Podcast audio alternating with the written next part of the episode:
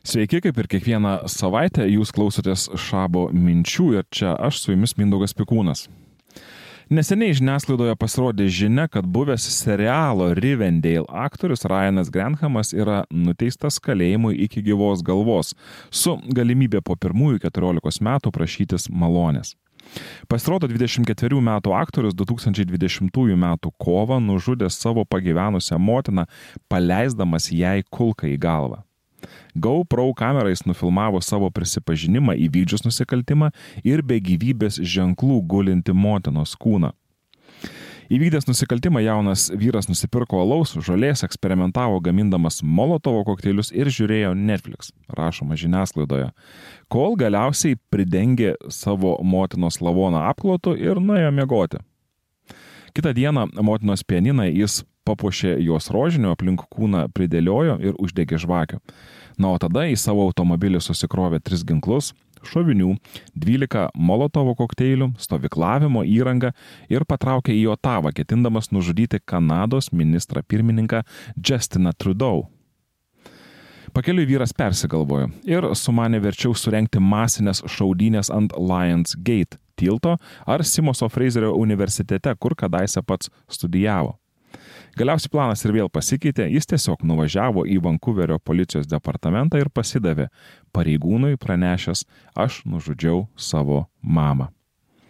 Skeldama nuosprendį teisėja sakė, kad ačiū Dievui, Ryanas Grenhamas galutinai neprarado ryšio su realybė ir susiprato nesijimti masinių žudinių. Čia ką tik skaičiau ištrauką iš internetinių naujienų portalų. Ir iš tikrųjų, ačiū Dievui, kad Ryanas Grenhamas neįgyvendino savo tamsių kėslų ir galutinai neprarado ryšio su realybė.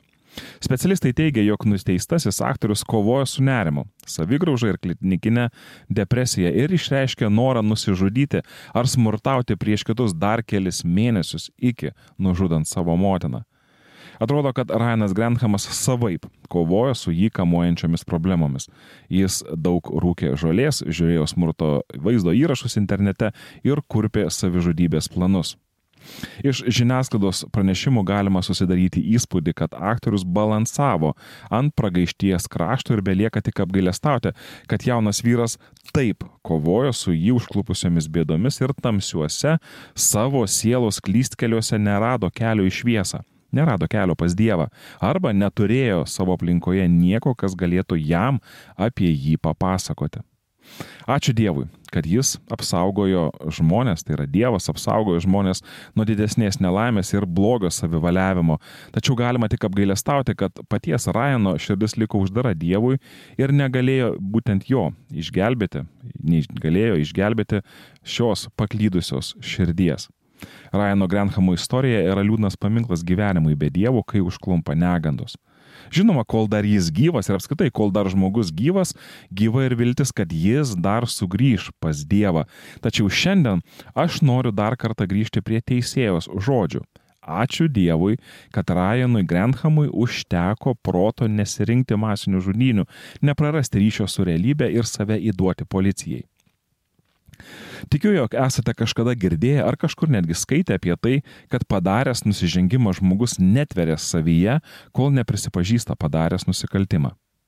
Maži kasdieniniai prasižengimai gal ir netokie varginantys sielą, ilgainiui su jais apsiprantame, tačiau net nepastebime dažnai, kaip skaudiname kitus, o pagauti tiesiog teisinamės ir giname savo nekaltumą.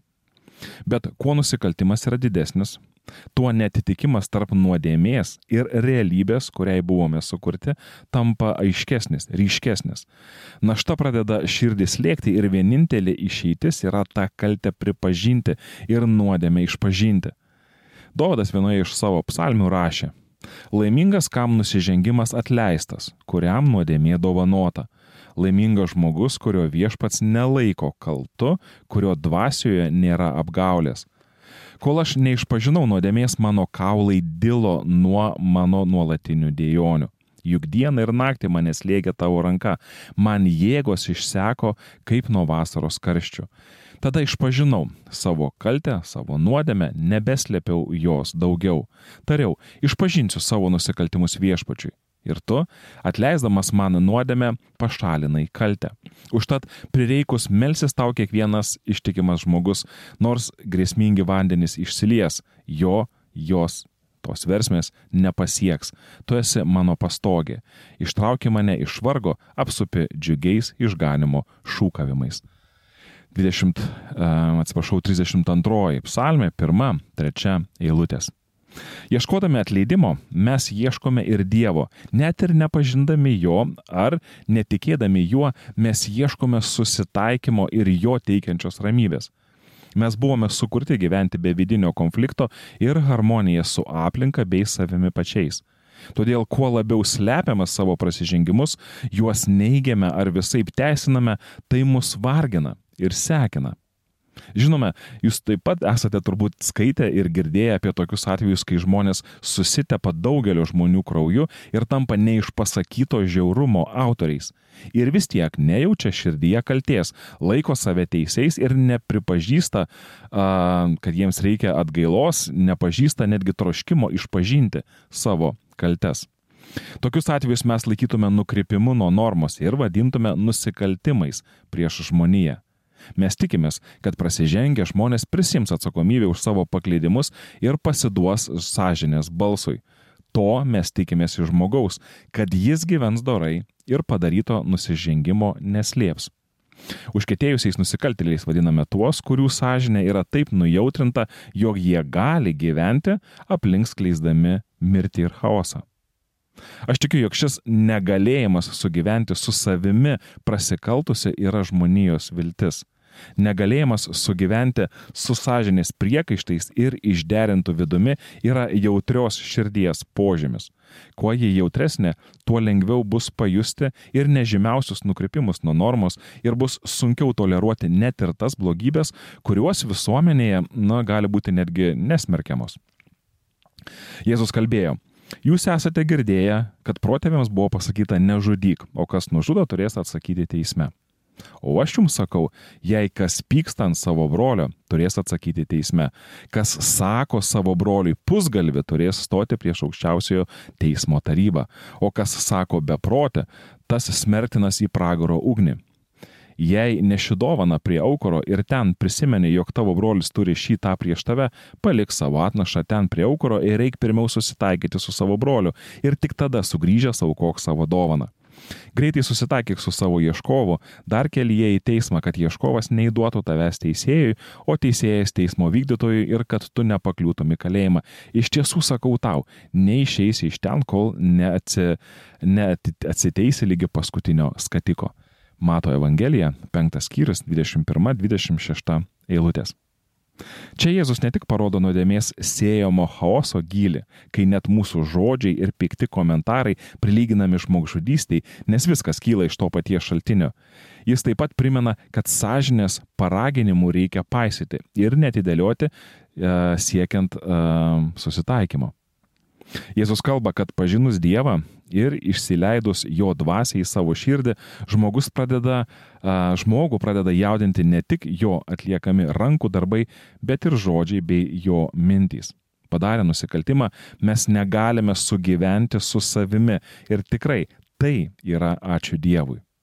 Nes tai yra dvasios paraginimų ženklas ir įrodymas, jog Dievas darbuojasi dėl mūsų išganimo. Ir vienintelis kelias atkurti tą ramybę, tą vidinę pusiausvyrą yra atgaila. Kuo dažniau mes užkemšame savo ausis, kad tų paraginimų ar pakaltinimų negirdėtume, tuo labiau mes save įtikiname melu, jog taip gyventi yra geriau. Ir kuo labiau savo sakome šį melą, tuo labiau priartiname savo širdės prie naujos realybės - su gyvenimo, su savimi tokiu. Tai yra nusidėliu kol galiausiai ši realybė tampa tokia vientisa ir solidi, kad žmoguje yra užgneužiamas bet koks panašumas į Dievą ir žmogus tampa panašus į savo šeimininką, demoną, kuris pasak Jėzaus nuo pat pradžios buvo galvažudys ir niekuomet nesilaikė tiesos. Jame ir nėra buvę tiesos.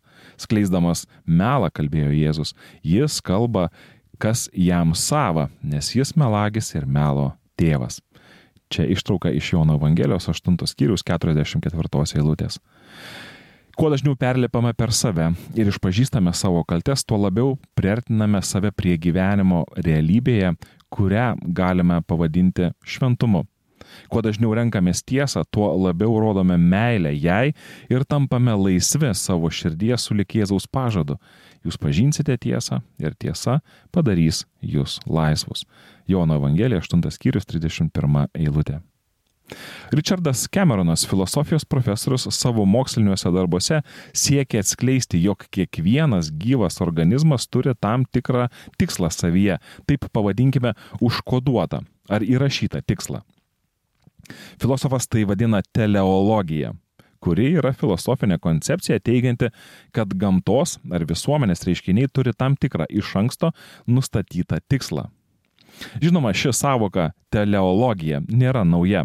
Apie tai svarstė jau žymus graikų filosofas Aristotelis. Mane patraukė Richardo Camerono išvados, nes a, pasak jo, mokslininkai ir filosofai kartu turėtų dalyvauti diskusijoje apie mūsų supantį pasaulį ir ypatingai apie visos visatos kilmę.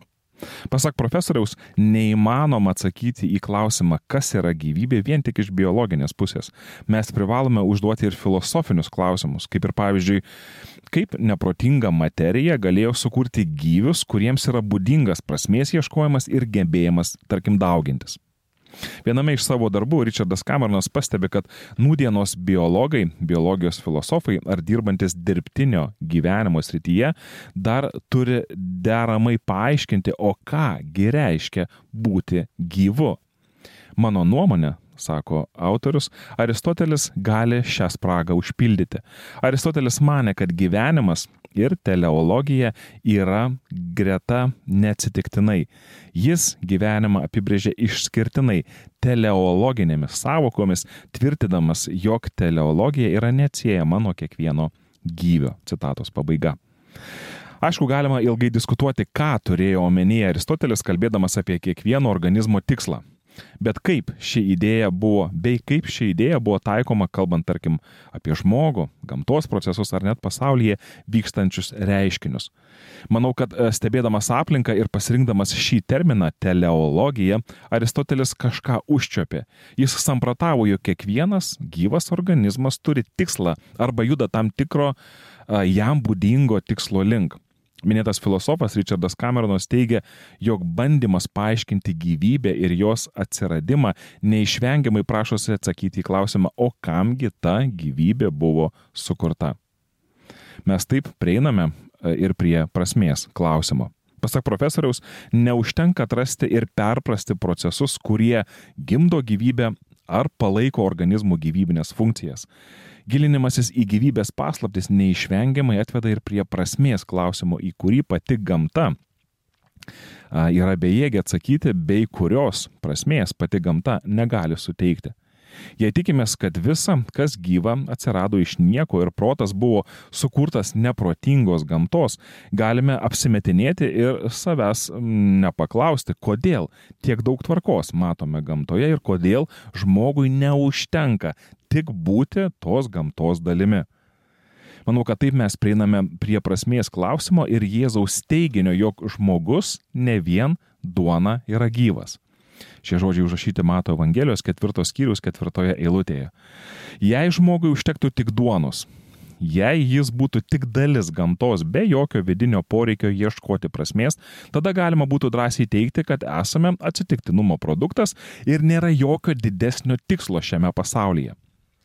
Tačiau Jėzus sako, kad žmogus ne vien duona yra gyvas ir toliau pratesiant jo mintį, bet kiekvienu žodžiu išeinančiu iš Dievo lūpų. Ką mums duoda Dievo žodis, ko neduoda kasdieninė duona? Apaštlas Jokūbas, kalbėdamas apie žodžio galę, rašė. Kas nenusideda kalba, tas yra tobulas žmogus. Jis sugebės pažaboti ir visą savo kūną. Kiekviena žvėrių, paukščių, šliužų ir jūros gyvių veislė yra sutramdoma ir prijaukinama žmogaus prigimties jėga o liežuvio joks žmogus nepajėgia suvaldyti. Jis lieka vis nerimstanti blogybė pilna mirtinų nuodų. Juo šloviname viešpati, savo tėvą ir juo keikiame žmonės, kurie sukurti panašus į Dievą. Iš tų pačių lūpų plaukia ir palaiminimas ir prakeikimas, bet taip, mano broliai, neturėtų būti. Jokūbo laiškas, trečias skyrius, antra, septinta, dešimta eilutės. Pasak Jokūbo, liežuvį arba kalbą suvaldyti yra vienas iš sunkiausių pavedimų.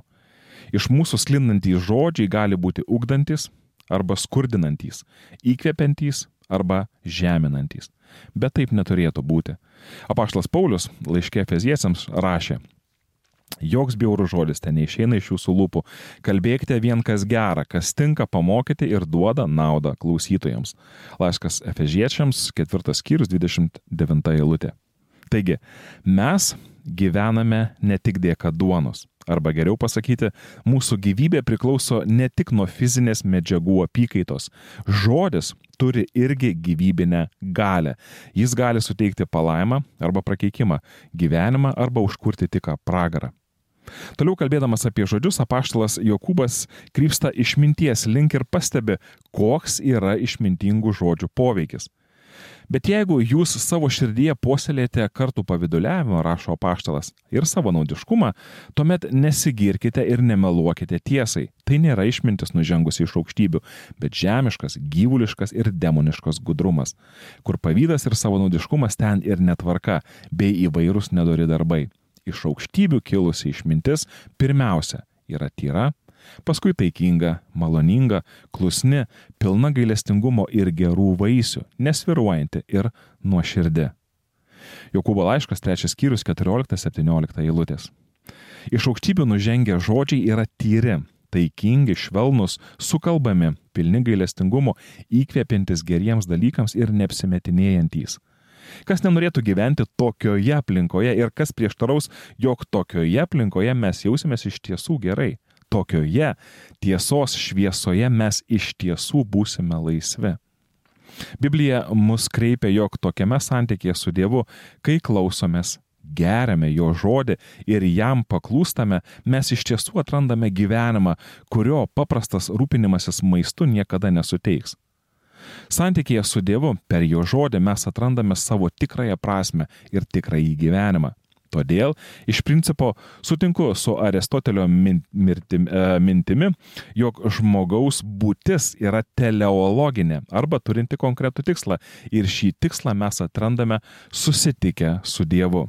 Ne šiaip su Dievu, ne šiaip su Dievu iš mažosios raidės, kurį mums pasiūlo neaiškiai apibrieštas pasaulis, bet su Dievu, kuris save preiškia kalbėdamas apie save ir kviesdamas mus į ryšlų santykių su mumis pačiais, mūsų aplinka ir pačiu savimi.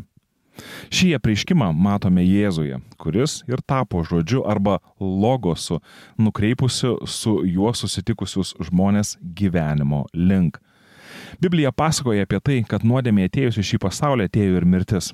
Sename testamente vienas iš nuodėmės apibūdinimų, verčiant šį žodį iš hebrajų kalbos, yra nepataikyti į taikinį. Taigi, atėjus nuodėmė į šį pasaulį žmogaus tikslas arba prasme išsiderino ir tampo sunku pataikyti į taikinį, gyventi pagal paskirtį ir galų gale sugyventi su savimi pačiu. Todėl kiekvieną kartą, kai nepataikome į taikinį, esame kviečiami atgailai. Esame kviečiami atsiprašyti, prisipažinti klydus ir vėl padrasinami bei įkvėpiami bandyti dar kartą. Kas kartą atsisakius atgailos, mes save numenkiname, sumenkiname, nužeminame. Mes vis ryškiau nepataikome į tikslą, kol gyvenimas taip išsiderina, jog lieka tik mirtis. Pradžioje minėtas aktorius Ryanas Grenhamas gyveno nepataikydamas į tikslą, nepataikydamas į taikinį.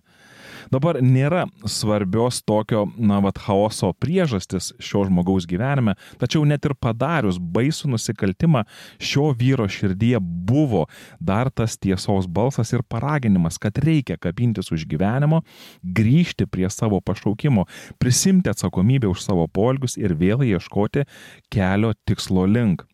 Jis buvo kviečiamas šviesos link, kad galėtų gyventi su savimi. Priešingų atveju gyvenimas su nuodėme taptų nepakeliama kančia, iš kurios gali išvaduoti tik mirtis. Aš čia prisimenu biblinį pasakojimą apie Dievą, Edeno sodą, žalti bei gėrio ir blogio pažinimo medį. Na tai labai liūdnas pasakojimas apie nuodėmę ir išvarimą iš rojaus. Neretai žmonės svarsto, kodėl Dievas atrodytų nieko nepadarė, kad Jėva nenuskintų nuo to medžio ir nuodėmė neteitų į mūsų pasaulį. Ir savotiškai priekaištai Dievui yra metimi ne vien tik tais dėl tos lemtingos dienos. Tačiau tą dieną Dievas rinkosi didesnį gėrį. Ir pasirodo, didesnis gėris yra visata, kurioje blogis egzistuoja kaip galimybė. Didesnis gėris yra gyventi su galimybė blogiui, nei pasirinkti paminti visų teisę į laisvą pasirinkimą ir vienašališkai pasirūpinti, kad blogio niekada nebūtų. Dievui dažnai mes metame priekaištus dėl vieno ar dėl kito dalyko. Dažnai mūsų komentarai yra pilni tuštybės, nors žvelgiant iš apačios gal netgi logiški. Tačiau labai dažnai kalbėdami iš savo širdžių tuštybės mes kaltiname Dievą vienu ar kitu dalyku, nesuprasdami, jog Dievas elgesi vedinas to, kas jis yra.